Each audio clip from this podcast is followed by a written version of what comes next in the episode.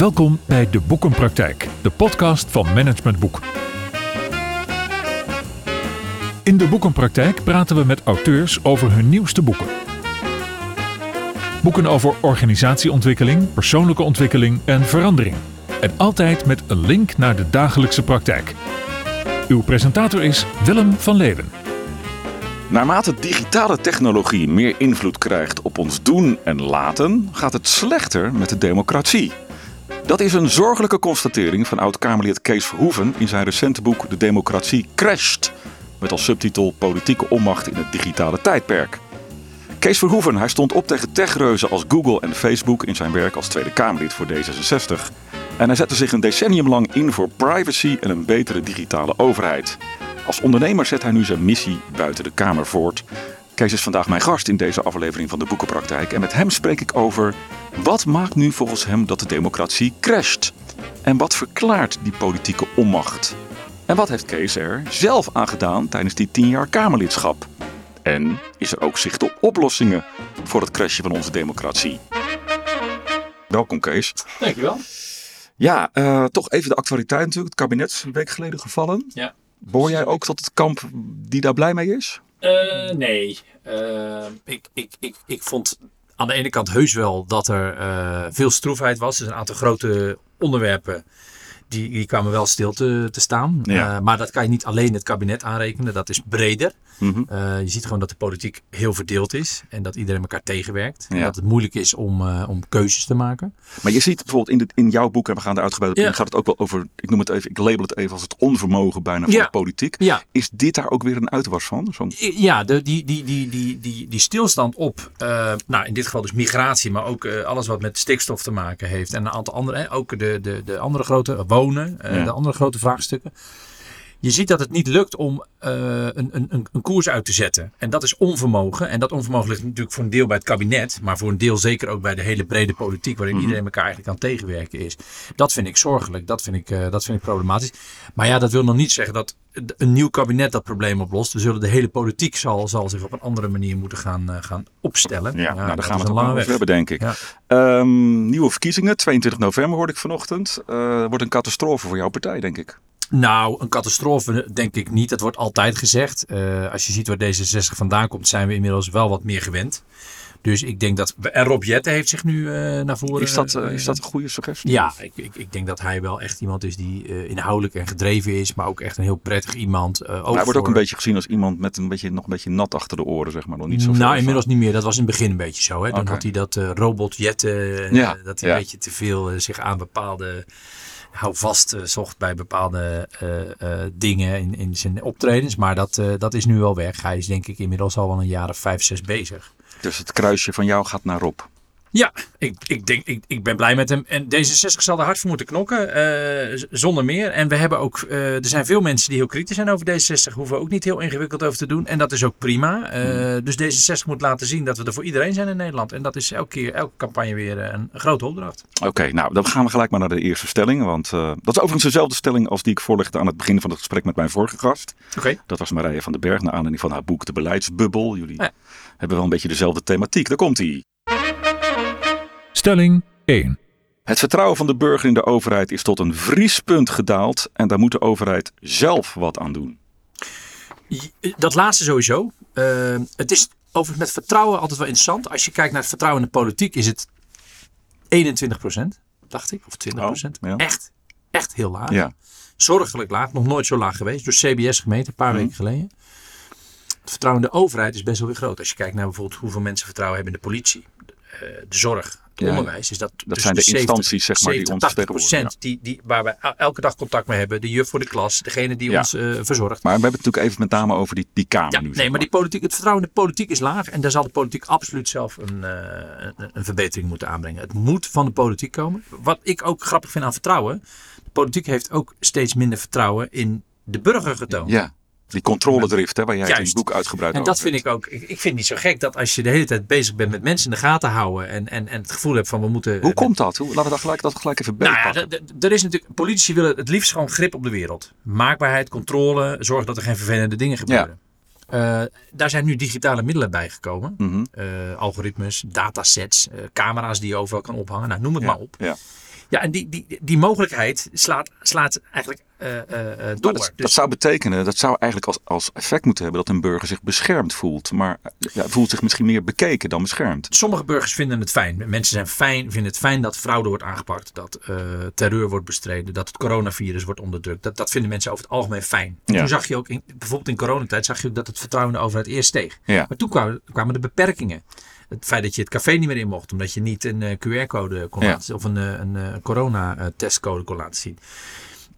Dat zijn de spanningsvelden in de, in de manier waarop naar de overheid gekeken wordt. Dus aan de, ene kant heb je een overheid waarvan je eigenlijk verwacht dat, je probleem, dat ze problemen voor je oplossen. Mhm. Mm -hmm. Maar aan de andere kant wil je ook niet dat die overheid jou klem zet op het moment dat jij uh, misschien uh, iets gedaan hebt waar, waarvan die overheid denkt, hé, hey, dat, dat betekent gelijk blauwe brief intrekken van een toeslagen enzovoort. En dat neemt alleen maar toe. Hè? Ik bedoel, de, als we te hard rijden krijgen we nog meer regels. Als het aantal verkeersdoden toenemen komen er nog meer regels.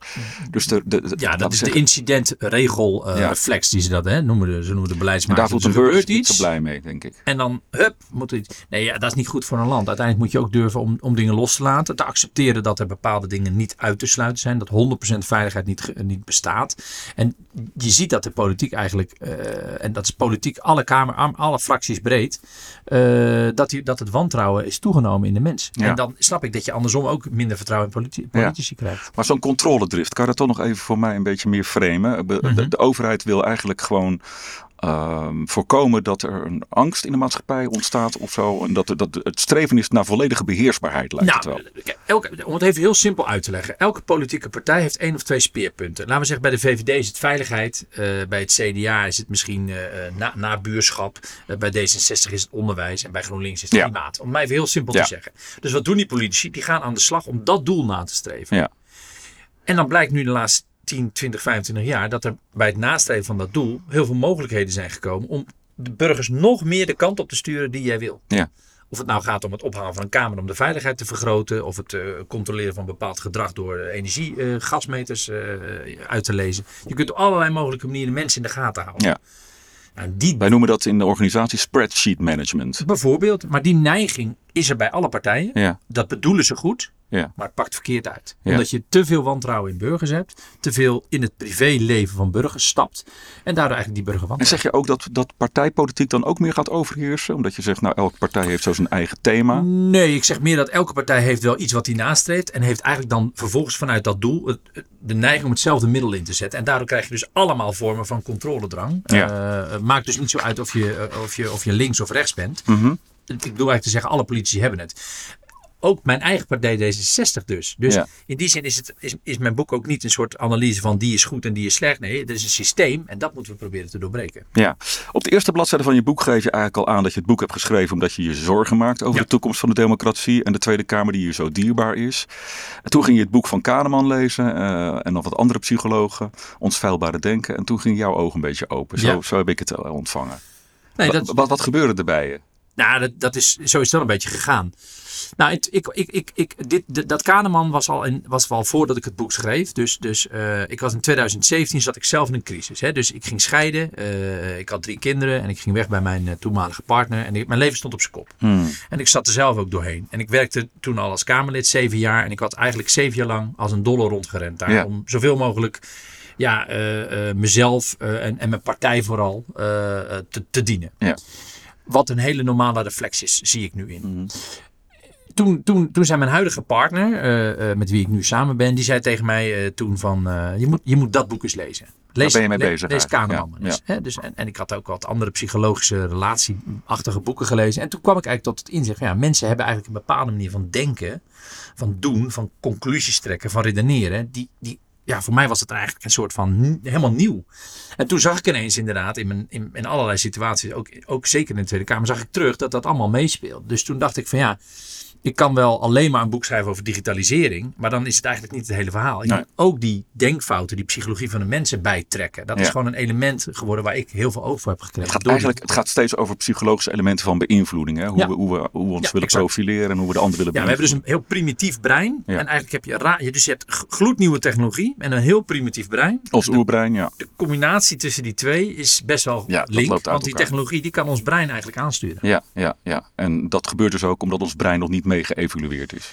Dat gebeurt omdat ons brein, precies, je zou, je, wetenschappers noemen dat een mismatch. Dus Ja. die zeggen van de, de, de, de miljoenen jaren evolutie van ons brein versus een paar eeuwen vol met revoluties, inclusief de digitale revolutie, Mhm. geeft eigenlijk een mismatch. Dus we zijn eigenlijk niet in staat om op een goede manier met die complexe wereld om te gaan. Oké. Ik, ik zat net even te denken, ik gun misschien elke Tweede Kamerlid wel een scheiding en een nieuwe partner die... Nou, in mijn geval, Kamerlid op een in mijn geval heeft het sowieso goed uitgepakt. Omdat het eh, voor mij nu een, eh, een situatie oplevert waarin ik inderdaad ook heel veel dingen van mezelf geleerd heb. Of dat nou, ik bedoel, voor mijn kinderen is het echt niet leuk geweest, die Nee, scheiding. En eh, dus in die zin snap ik je punt. Maar eh, Ja. het heeft mij in ieder geval de ogen geopend. Het is een, een spiegel geweest. Ja. En daardoor heb ik wel, eh, ben ik anders naar mijn werk gaan kijken. Laten we even kijken naar toch wat ik noem even jouw missie. Namelijk de politiek meer grip te laten krijgen op, op, op de digitale technologie. Mhm. Daar zit een zorg achter. Ja, omdat vanwege het feit dat die digitale technologie natuurlijk ongelooflijk veel invloed heeft op ons leven. Ja. En laten we het even gewoon herkenbaar beginnen. Eh, Het feit dat heel veel grote technologiebedrijven heel veel data van ons verzamelen, Mhm. is best wel zorgelijk. Want dat kost uiteindelijk gewoon privacy, maar ook autonomie. Ja. Wij krijgen dingen voorgeschoteld omdat ze precies weten hoe wij denken en wat we leuk vinden. Ja. Maar bijvoorbeeld ook het feit dat we door Rusland of door China worden aangevallen. Eh, ze proberen onze bedrijfsgeheimen te stelen. Eh, ze proberen desinformatie eh, naar, naar, naar allerlei platforms te sturen om verkiezingen te beïnvloeden. Ja, en op al die ontwikkelingen die je uitgebreid schetst in het boek, Ja. komt ook tegelijkertijd jouw conclusie dat de overheid daar een beetje slaapwandelend mee omgaat. Ja, Hoe, is, hoe kan dat nou? nou, dat, is, dat probeer ik dus in mijn boek goed uit te leggen inderdaad. Maar ik snap dat ik dat ook even in woorden moet uitleggen in deze podcast. Nee, dat komt dus omdat het aan de ene kant gewoon heel complex is. Dus het gaat over grensoverschrijdende, publiek-private, complexe systemen, technologieën die lang niet iedereen begrijpt. Dus dat, dat, dan snap je dat een politicus die in de Tweede Kamer zit daar misschien niet gelijk wat mee kan. Hmm. Maar tegelijkertijd speelt er dus ook mee dat de politiek eigenlijk steeds onmachtiger is geworden Ja. ook op andere gebieden, maar zeker ook op het gebied van digitale technologie, eh, om, de, om het in goede banen te leiden. Dus het is aan de ene kant zeg maar de, de, de complexiteit en, en, en de grootschaligheid van het, van het vraagstuk, maar aan de andere kant ook zeker de, ja, de, de, de culturele eh, gedragscomponent die in die Tweede Kamer eh, eigenlijk steeds meer zorgt voor nou, versnippering, tegenstellingen en dus niet het oplossen en inhoudelijk diep doorgronden van een, van een, van een vraagstuk. Stelling 2. Mooi bruggetje naar de tweede stelling. Mede door de balken en de norm zijn de meeste politici in de Tweede Kamer te onbekwaam om ons land nog te vertegenwoordigen binnen de internationale complexiteit. En dan kop je het dus aan, aan een te laag eh, Beloning, beloning ja. opleiding, ervaring. Ik weet niet. Ik denk. Ja, er is nee. altijd discussie. Nou, eh, nee. Nee. Ik denk dat er altijd discussie is over, eh, over de beloning van politici. Jij schrijft letterlijk: de samenloop van technische, financiële en internationale complexiteit gaat de Kamer vaak te boven. Ja. Heb ik even als nee, maar dat klopt wel. Alleen Ja. de vraag is of je dat met de hogere beloning oplost. Ja, misschien niet alleen met beloning, maar eh, er is ook wel eens gesproken over zakenkabinet, is ook zo'n term natuurlijk. Maar mensen die misschien wat meer ervaring hebben met internationale, complexe, eh, ja, strategische problemen. Een, een zakenkabinet met, met zogenaamd ingevoerde deskundige, eh, wat meer objectieve eh, Ja. deskundige professionals. Je, kijkt er, je gaat er heel vies naar kijken. is een fabeltje. Oh, Want je zult zien dat ook die mensen, die zogenaamd objectieve, verstandige, rationele mensen, allemaal dezelfde denkfouten maken. Allemaal dezelfde politieke neiging maken. maar het zijn misschien wel mensen die iets meer kunnen uitzoomen. Die iets meer ervaring hebben met internationale belangen. Politiek is bij uitstek eh, een vak waarbij je juist ook een verbinding moet maken met bepaalde problemen. En als je uitzoomt, krijg je eigenlijk technocratische afstandelijkheid, waar juist zoveel mensen boos over zijn. Dus iedereen die eigenlijk zegt, en we moeten een zakenkabinet hebben, die zegt, oké, dus een afstandelijk, technocratisch kabinet, wat eigenlijk de problemen van mensen ook een beetje een ziet behoorlijke als framing. macro, macro-economisch, terwijl Ja, je ook heel erg naar de microkant moet kijken. Ja, ja. Oké, dus de, de, de zakenmensen zeg maar, die in zo'n kabinet zouden gaan zitten, die hebben geen oog meer voor de microbelangen van de gemeenschap. Ik denk dat er bij, bij mensen die heel eh, eh, apolitiek kijken naar problemen, dat het nog wel eens zo wil zijn dat die dus ook zich niet kunnen verplaatsen in de reden waarom bepaalde mensen met eh, gevoelens, eh, frustraties zitten, die echt opgelost moeten worden. Ja. Om een voorbeeld te noemen, je ziet eigenlijk al 25 jaar sinds de opkomst van Fortuin, 22, 23 jaar, zie je eigenlijk dat er een grote onvrede is, beschrijf ik ook wel in mijn Ja. boek, over de wat afstandelijke, geautomatiseerde, geprivatiseerde overheid die er eigenlijk niet meer voor de burger is. Ja. En je ziet dus dat er heel veel partijen zijn die zeggen, wij nemen de verantwoordelijkheid. Maar dat heel veel mensen toch het gevoel hebben, ja, maar je bent er niet voor mij. En dus krijg je allemaal partijen die zeggen, nee, maar wij zijn er wel voor jou. Ja. En nu heb je twintig partijen die allemaal zeggen, wij zijn er wel voor jou. Ja, met allemaal one-issue partijtjes. Dat Ja. beschrijf je uitgebreid. Dus dat spanningsveld tussen die technocratie en die, die politieke betrokkenheid is wel, is wel lastig. ik moest denken aan het boek van Bob de Wit, ken je toevallig? Society 4.0. Die beschrijft daarin uitgebreid ook hoe dat komt. Namelijk dat de scheiding tussen arbeid en kapitaal, wat jarenlang, zeg maar... Bob eh, de Wit van Nijrode? Ja. Ja. Dat boek ken ik niet. Oké, nou Nee. in ieder geval... Ik, dat- hoor, ik, heb wel, ik heb wel eens een, een, een, een, discussie op LinkedIn met Bob de Wit gehad. Oké, nou hij, Dat hij beschrijft... Hij besch- Dat nee, was niemals. Oh, daar ben ik wel niet... Kan ik die nog volgen ergens? Want hij heeft ook van. LinkedIn ik, heb, afgehaald. ik, ik ben altijd, eh, ik ben altijd Oké, maar hij beschrijft dat er geen scheiding meer is tussen arbeid en kapitaal.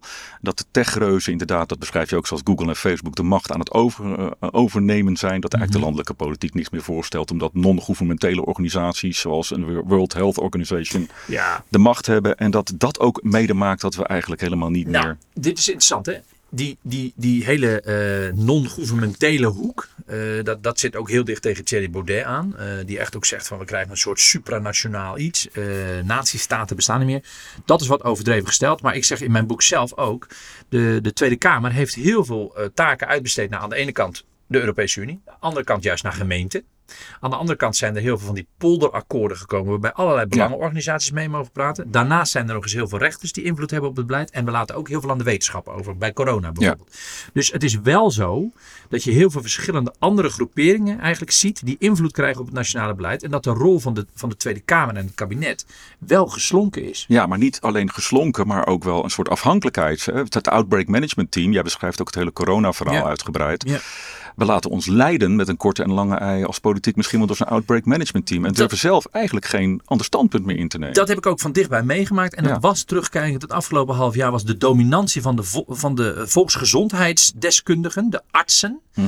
Die bepaalden in de eerste eh, maanden, fase van corona, echt het beleid. Het ging Ja. alleen maar over volksgezondheid. Ja. Later ging het gelukkig ook over gastvrijheid in cafés. Of het feit dat we nog steeds eh, ondernemers mogelijk moeten laten Ja. zijn. Maar toen was er al veel schade aangericht natuurlijk. Ja. Ja, nee, maar dat, dat, daar, heeft, de- daar heeft de Tweede Kamer bijvoorbeeld echt ook achteraf gezien, denk ik, te veel ruimte gegeven aan de eenzijdige deskundigheid van, van, van de belangenbehartigers van de volksgezondheid. Die dat natuurlijk uit goede intentie deden, maar het was niet Ja. gebalanceerd. Nog even over dat veel ruimte geven. Ehm, ik snap die internationale complexiteit. Tegelijkertijd, jij beschrijft het ook weer uitgebreid in je boek, zitten we ook een beetje te slapen als het gaat om de invloed die bijvoorbeeld in Rusland en in China willen nemen in ons systeem door nou ja, de digitale ehm, ehm, Inmenging. inmenging. Ja. Ja. Hoe, hoe, hoe, en dan, eigenlijk als ik het kort samenvat, beschrijf jij uitgebreid wat er gebeurt. Conclusie, we zijn vooral uit op economische belangen als handelsland nog steeds, hè, met onze VOC-mentaliteit. En we hebben wat te weinig oog voor die inmenging op... eh,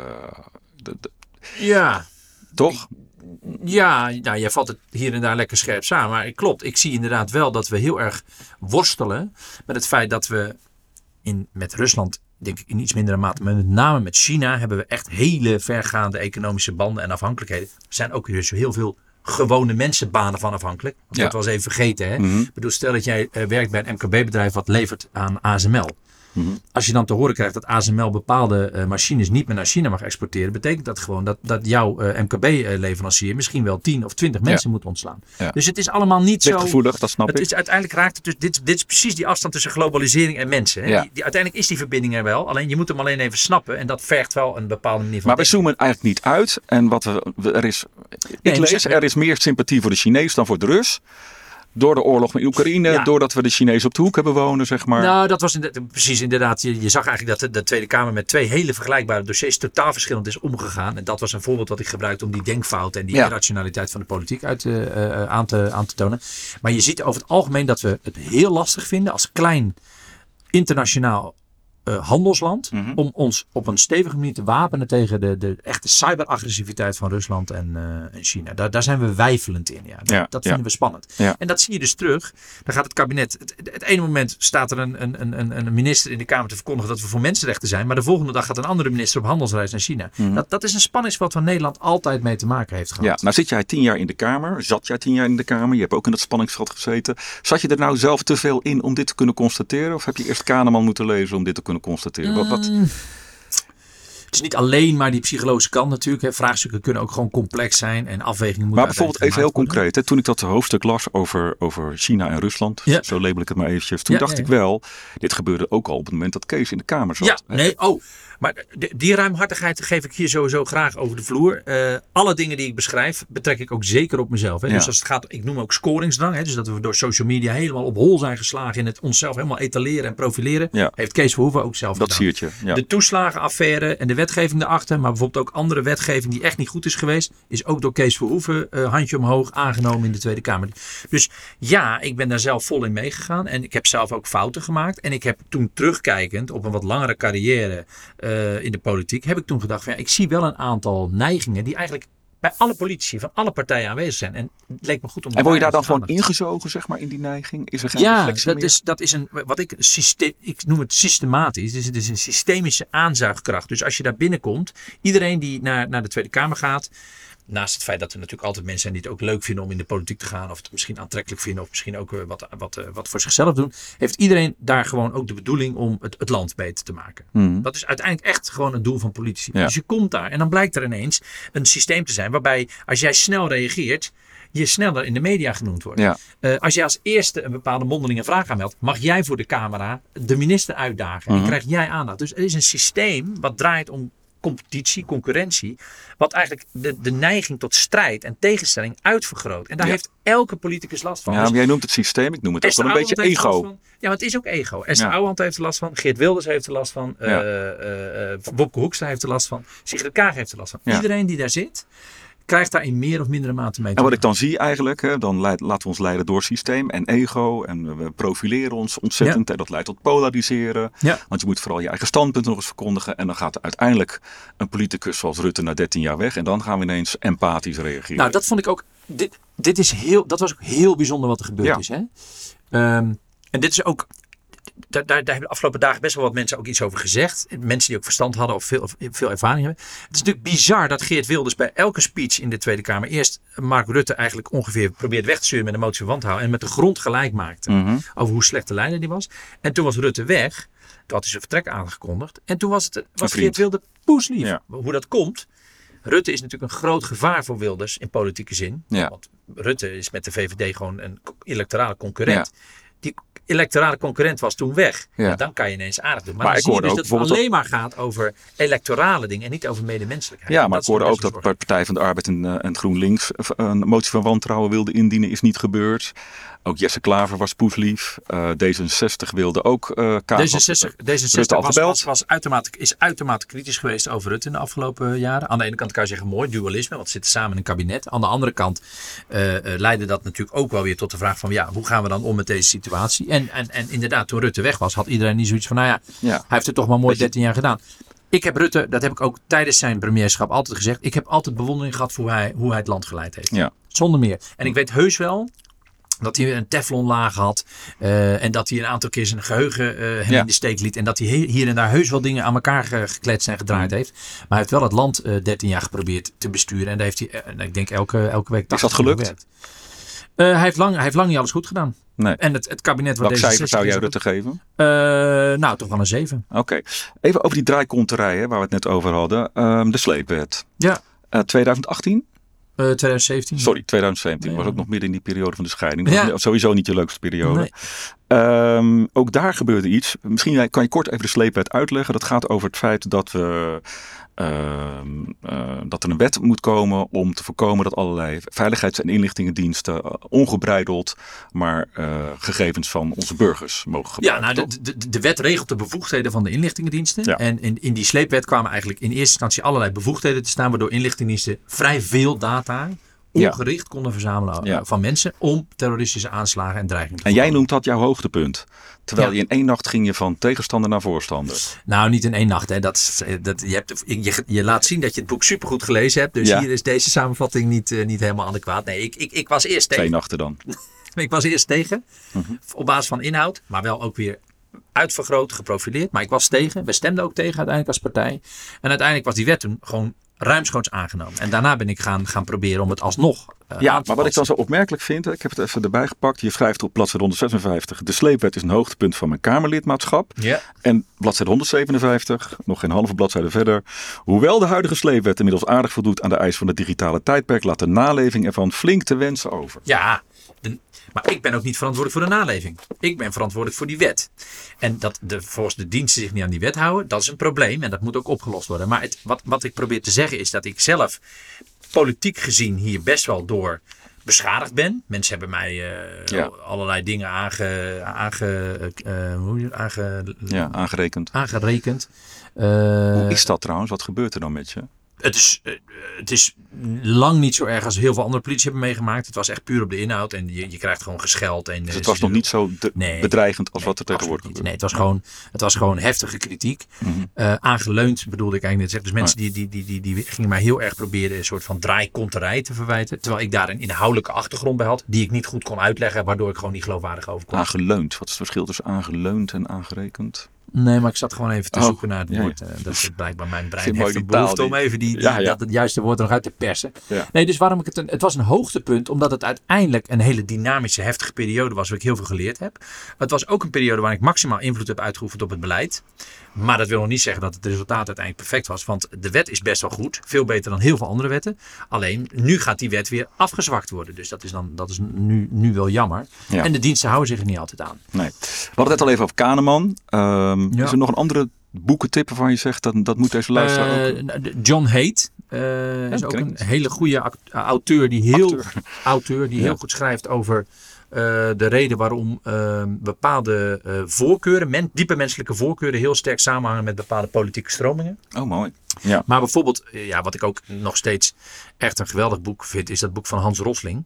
Eh, wat gaat over de, de, de tien, eh, ook eigenlijk weer denkvalkuilen, die, die, die we eigenlijk heel snel hebben. En dat is ook echt een aanrader om te lezen. Want hij zegt eigenlijk, we gaan eigenlijk altijd voorbij aan de feiten. En we hebben eigenlijk altijd een bepaalde instincten, noemt hij het. Bepaalde vooringenomenheid. Ja. Om bijvoorbeeld te denken dat iets zwart-wit is, terwijl er tussenin vaak de grootste groep zit. Ja. Maar we hebben het altijd over de kloof en de uiterste. En we hebben het nooit over de grote groep, die aan de, aan de, hè, de middeninkomens, de middenklasse. Dat is altijd de grootste groep. Ja. Maar we hebben het altijd over arm tegen rijk. Terwijl ja, de feiten wijzen vaak uit dat. Nou ben ik organisatieadviseur en ik lees veel boeken over organisaties Ja. en leiderschap en management. Ja. Allemaal via managementboek.nl, Ja. uiteraard. Is een Zeker. politicus nou ook, behalve dat jij dan het licht hebt gezien, maar is een politicus nou ook iemand die veel boeken leest in zijn vakantie over beïnvloeding, over eh, psychologische... eh, Nee, Eh, nee, mijn, mijn frustratie of verbazing is een beetje dat je. Er zijn heel veel mensen zoals jij die gewoon or- organisaties adviseren op dit gebied. Maar je ziet bijvoorbeeld in de, de hele HR-wereld, maar bijvoorbeeld ook in de gezondheidszorg, in de eh, vlieg, de, de luchtvaartindustrie, Ja. zie je dat er heel veel procedures zijn ingericht de afgelopen decennia op basis van die psychologische kennis. Ja. En de politiek heeft dat eigenlijk nagelaten. Dus bijvoorbeeld het feit dat je als mens veel te snel oordeelt, Ja. of heel stellig kan zijn, of echt eh, een tunnelvisie ontwikkelt, groepsdenken, dat zijn echt patronen die, die heel bekend zijn. Wordt ook wel beschreven. Maar echt procedures en processen inrichten om ervoor te zorgen dat dat wat minder gebeurt. Dat doen we Maar bel jij nog wel eens met Kaag of met Jetten om dit soort dingen te Eh, bespreken ook? app, appen zeker, bellen niet. Maar eh, ik spreek ze natuurlijk wel eens op bijeenkomsten. Ik heb contact met ze. Ik, ik heb ook de, de Kamervoorzitter, heb ik bijvoorbeeld ook mijn boek echt toegestuurd. En gezegd, joh, Vera Bergkamp, Ja. Kom op. Het feit dat je tot drie uur s'nachts vergadert, dat is echt ondenkbaar. Dat, dan kan geen hond meer goed nadenken. Voormalig Dus- HR-directeur dus trouwens. Ook, precies. Dus, Ja. dus zorg nou voor die veilige, goede, rustige werkomgeving. Dan snap ik heus dat de politiek ook altijd wel schuurt en scherp is. Maar je hoeft echt niet tot en wordt er dan een beetje naar je geluisterd? Of zeggen ze ja, Kees, tuurlijk. Makkelijk lullen achteraf. Ma- makkelijk lullen achteraf is natuurlijk altijd waar. Mhm. Eh, maar dat wil nog niet zeggen dat het misschien een goed inzicht is. Eh, wat vooral van belang is, is dat heel veel overheidsorganisaties hebben mij de afgelopen maanden uitgenodigd om te komen praten over een boek. Ik ben bijna alle ministeries geweest, uitvoeringsinstanties, belastingdienst, eh, politie, overal geweest. Superleuk. Ja. Heel, ik ben heel vaak kritisch geweest op die organisatie, hebben me allemaal uitgenodigd. Maar leuk, Er is één lezingen. organisatie die dat eigenlijk niet heeft gedaan. Dat is de Tweede Kamer. Ja. hey, Hey. Dat is gek, hè? Dus ik heb de Tweede Kamer. Ik dacht Is er wel van, eens überhaupt, eh, eh, wordt, wordt er wel eens een gast uitgenodigd voor een lezing in de Tweede Kamer? wel, er worden, er worden veel technische, inhoudelijke, beleidstechnische briefings georganiseerd natuurlijk. Maar echt eens iemand uitnodigen die, die zegt van nou, laten we ons zelf eens een spiegel voorhouden. Of laten we eens een aantal mensen uit de psychologie en misschien ook Ja. uit de techsector uitnodigen om eens te kijken van hoe, hoe, hoe werkt dat nou? Dat, dat, dat zal een, reflectiemomentje. ja, dat zal een Kamer niet snel doen. Nee. Nou, we gaan naar de boekentip. Eh, dat was natuurlijk een bruggetje ook. De boekentip. De boekentip eh, is deze keer van Patrick Davidson. Hij is auteur van bestsellers als Teaming en Maskmania. Hij las het boek When the Heavens Went on Sale. Ik ken het niet, maar het klinkt al lekker. Van journalist Ashley Vance. Het gaat eh, eh, over de Space Race met een dappere ambtenaar in de hoofdrol. Die ervoor zorgde dat experimenten en slim teamwerk de ruimte kregen. Ondanks de innovatiebelemmerende cultuur bij de NASA. Mijn favoriete boek van de eerste helft van dit jaar is ongetwijfeld de nieuwste Ashley Vance. Vance volgde jarenlang van dichtbij hoe ondernemers de ruimtevaart nieuw leven hebben ingeblazen. Geen toeval wanneer je dan aan Elon Musk moet denken, want Vance maakte naam en faam als biograaf van Musk. En momenteel werkt hij voor de streamingdienst HBO aan zowel een serie als een documentaire over de man achter Tesla, SpaceX, Neuralink en natuurlijk Twitter. Het nieuwste boek van Vance, met de prachtige titel When the Heavens Went on Sale, gaat verder waar de vorige bestseller eindigde. Met de doorbraken van SpaceX, dat er het afgelopen decennium in slaagde om raketten te laten landen en ze weer te hergebruiken. In het kielzog van SpaceX braken ook bedrijven als Planet Labs, Astra Space, Rocket Lab en Firefly door. Namen die mij bij aanvang van het lezen eerlijk gezegd niet veel zeiden maar die in dit boek helemaal tot leven komen, dankzij de verhalen erachter. Fascinerend leesvoer, doordat fans hen van dichtbij volgden. Ver van je bed? Nou, de komende jaren gaan we nog veel meer, bedrijven, eh, veel meer merken van de dadendrang van dit soort bedrijven. En waren oorlog en ruimtevaart vroeger vooral iets tussen staten, de rol van deze bedrijfjes is tegenwoordig niet te onderschatten. Zo is de oorlog in Oekraïne beïnvloed door de satellieten die gelanceerd zijn door dit soort bedrijven. En we gaan de komende jaren van een paar duizend satellieten die momenteel zweven in de ruimte naar zo'n honderdduizend satellieten. Als dat maar goed gaat. Zeker wanneer je leest in dit boek dat een clubje van ongeveer 50 mensen, een start-up, het verkeer daarboven regelt. Het klinkt als het Wilde Westen 2.0. Maar de verrassende held van dit boek is niet een van die ondernemers, maar juist een ambtenaar met visie. Zonder deze Pete Warden is het nog maar de vraag of werelds rijkste man Elon Musk erin geslaagd zou zijn om via SpaceX een succesvolle satellietbusiness, Starlink, op te zetten. En door in te zetten op experimenten en slim teamwerk met jonge, gedreven professionals die uitgroeiden tot ondernemers, slaagde deze Warden erin om de ruimtevaart nieuw leven in te blazen. De cultuur bij NASA omschreef hij als risicomijdend, ja-zeggers die niks doen, oplossingen die te duur zijn geworden doordat we dingen overdimensioneren. Hoe deze ambtenaar een hele nieuwe generatie ondernemers in staat stelde om de Space Race nieuw leven in te blazen, dat lees je in dit heerlijke boek. Het is een soort Mission Impossible, maar dan in het echt. Zonder Tom Cruise, maar met een dappere ambtenaar in de hoofdrol. Tot zover de boekentip van Patrick Davidson. En nog meteen maar een luistertip erachteraan. Want in aflevering 11 van dit seizoen sprak ik met Liedewij van de Sluis over succespatronen in organisaties. Waarbij wij diezelfde NASA bespraken als een van de voorbeelden. Terug naar Kees Verhoeven. Hij is onze gast. Blij dat je er bent, Kees. Naar aanleiding van je opmerkelijke boek De Democratie Crasht. Zullen we nou eens gaan kijken, want je hebt heel veel, je beschrijft heel veel en je geeft, vind ik, een, een, een echt een mooie doorkijk in, in de patronen die maken dat de democratie aan het crashen is. Maar nou de oplossing. Ja, Hoe kunnen we dit bang veranderen? voor dat je daar ook Ja. nog iets eh, Ja, over zou vragen. nou ja, Ja, kijk, hoe kunnen we het tij keren? Het kan, hè. Eh, laat, ik zeggen van, van, van eh, mensen zeggen, pff, de democratie crasht, eh, somber boek. Je bent wel heel technisch op, of kritisch op technologie en zie je het allemaal nog wel zitten. Nou, Ja, zeker. Alleen ik denk wel dat je eerst het probleem gewoon echt moet benoemen. Dus daar begin ik in mijn boek mee. Ja. Dat probeer ik echt op een grondige manier, onderbouwde manier te doen. Ja. Nou, vervolgens kom je dan aan bij de laatste twee hoofdstukken. En daar heb ik natuurlijk wel nagedacht over die vraag van hoe moeten we dit nu doorbreken. Mhm. Nou, er zijn twee antwoorden. Ja. Ehm, het eerste antwoord is dat je, eh, en dat is het, het, het, het, teleurstellende wetenschappelijke antwoord, de weg van de gezamenlijke geleidelijkheid. Dus we zullen allemaal in onze eigen rol, zelfs gewoon ook kiezers. Mooi voorbeeld. Ik zag gisteren bij Nieuwsuur zag ik een, een interview. En daar ging het over de nieuwe generatie politici. En toen werd er gezegd, Jezilgus, eh Jette en Timmermans, eh, eh, kent u die? En toen werd er aan iemand op straat gevraagd, kent u die? En die mevrouw, nou, nooit van gehoord, nooit van gehoord. En toen was de conclusie van, van de, de presentator, ja, die politici moeten echt nog even aan hun naamsbekendheid werken. Dat moeten we juist niet Nou, doen. veel bekender dan, dan Timmermans, Jezilgus en Jette hebben we ze niet. En die mensen moeten niet alleen met naamsbekendheid bezig zijn, moeten met inhoud bezig Ja. zijn.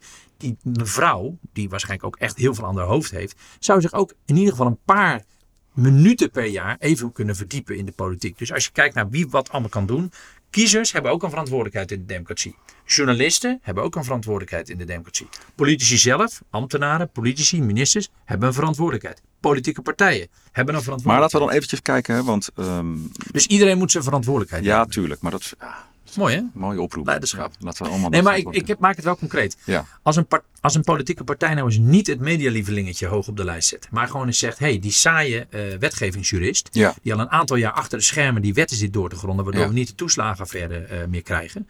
Die geven wij een Maar dan moet de ik gelijk denken, terwijl je dit zegt, aan omzicht. Omzicht maakt op mij altijd een imago van saaie, eh Nee, saaie bestuurder. Omtzigt is een, zeer kundig iemand, Ja, maar ook met die. een hele goede PR. Dus die heeft echt zijn eigen PR goed geregeld. Nee, je moet denken aan iemand als Ed Groot, waar je dus nog nooit van gehoord Nee, hebt. Die ken ik niet. Precies. Er zijn Zeker elke- jouw partij, of niet? Nee, Oh. PvdA. Oh. En ik noem altijd het voorbeeld Ed Groot, maar ik kan ook Joost Sneller van D66 noemen. Maar van elke partij kan ik er zo één of twee noemen. Dat zijn juist de onbekende Kamerleden, die supergoed zijn. En wat maken die zo goed? Inhoud, Ja, kennis. ja. Ze Diepgang. kunnen, het, ze kunnen het niet overbrengen. Ze hebben wat minder talent om in een talkshow eh, of in een kamerdebat met een vlammende interruptie of een leuk gespiced zinnetje eh, de boel op te kloppen. Ja. Maar ze zouden zeker meer ruimte moeten Oké, krijgen. om- en dan geven die mensen, ik loop even met je mee, we Ja. geven die mensen de ruimte. Wat gebeurt er dan meer en anders? Nou, dan krijg je dus eh, een wat saaiere, wat minder mediagenieke Kamerleden die veel meer van wetgeving afweten. En die dus het beleid op een veel betere manier controleren. Ja, ja, Precies wat we willen. ja. Bijzonder. Dus we, de, Dus dat kan een politieke de partij doen. zit gewoon in de Kamer. Zeker. Alleen, eh, vaak verliezen dat soort Kamerleden de strijd op de lijst van de, van de, de, de catchy soundbite typetjes. Ik ben Zoals helemaal, ik eh, als Kees Verhoeven ook was. En weet je waarom ik de laatste jaren relatief... Wacht even, ik geef mezelf een 6. Ja? Dus Rutte een 7, mezelf een 6. Ik was de laatste jaren vrij tevreden over mijn Kamerlidmaatschap. Omdat ik, ik kreeg genoeg aandacht om een punt te maken en het over te brengen. Mhm. Maar ik zat ook goed in de materie. Ja. Die combinatie zoek je. Ja.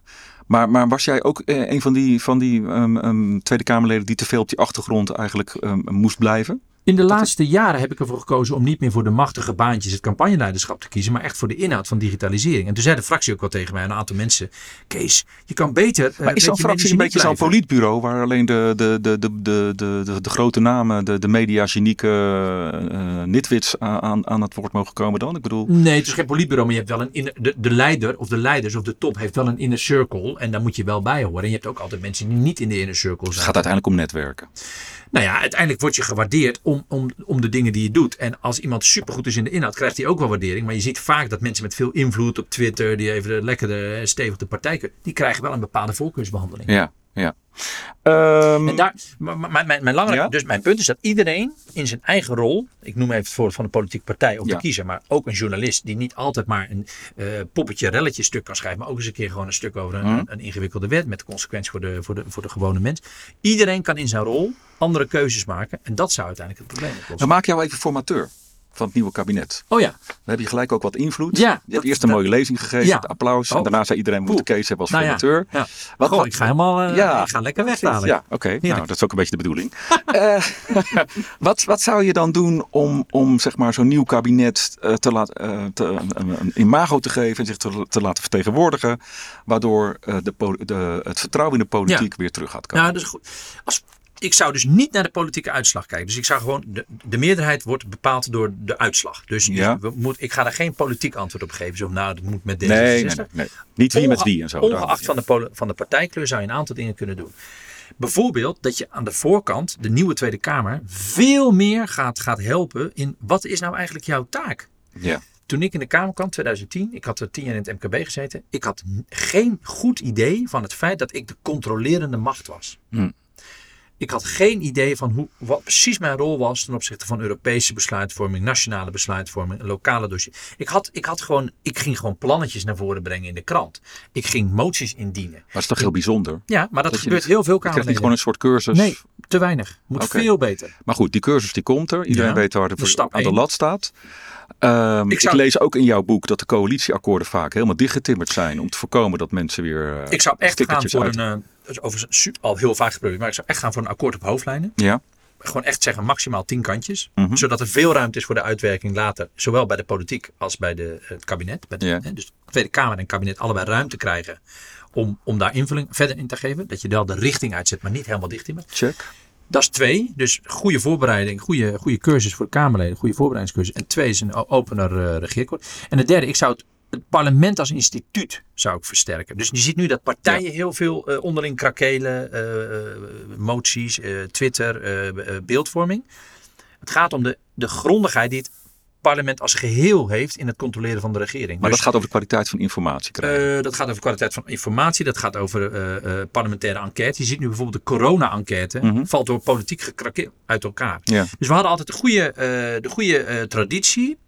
Dat een aantal verschillende Kamerleden van verschillende partijen bij elkaar in een commissie gingen zitten. Die gingen even uit het, uit, het, uit het heilige licht van de schijnwerpers. En die gingen gewoon eens even op de inhoud. Ja. En daar kwam altijd wel een heel scherp gedragen verhaal uit. Nu blijkt dat door onderling gekrakeel ook niet meer te kunnen. Dus Ja.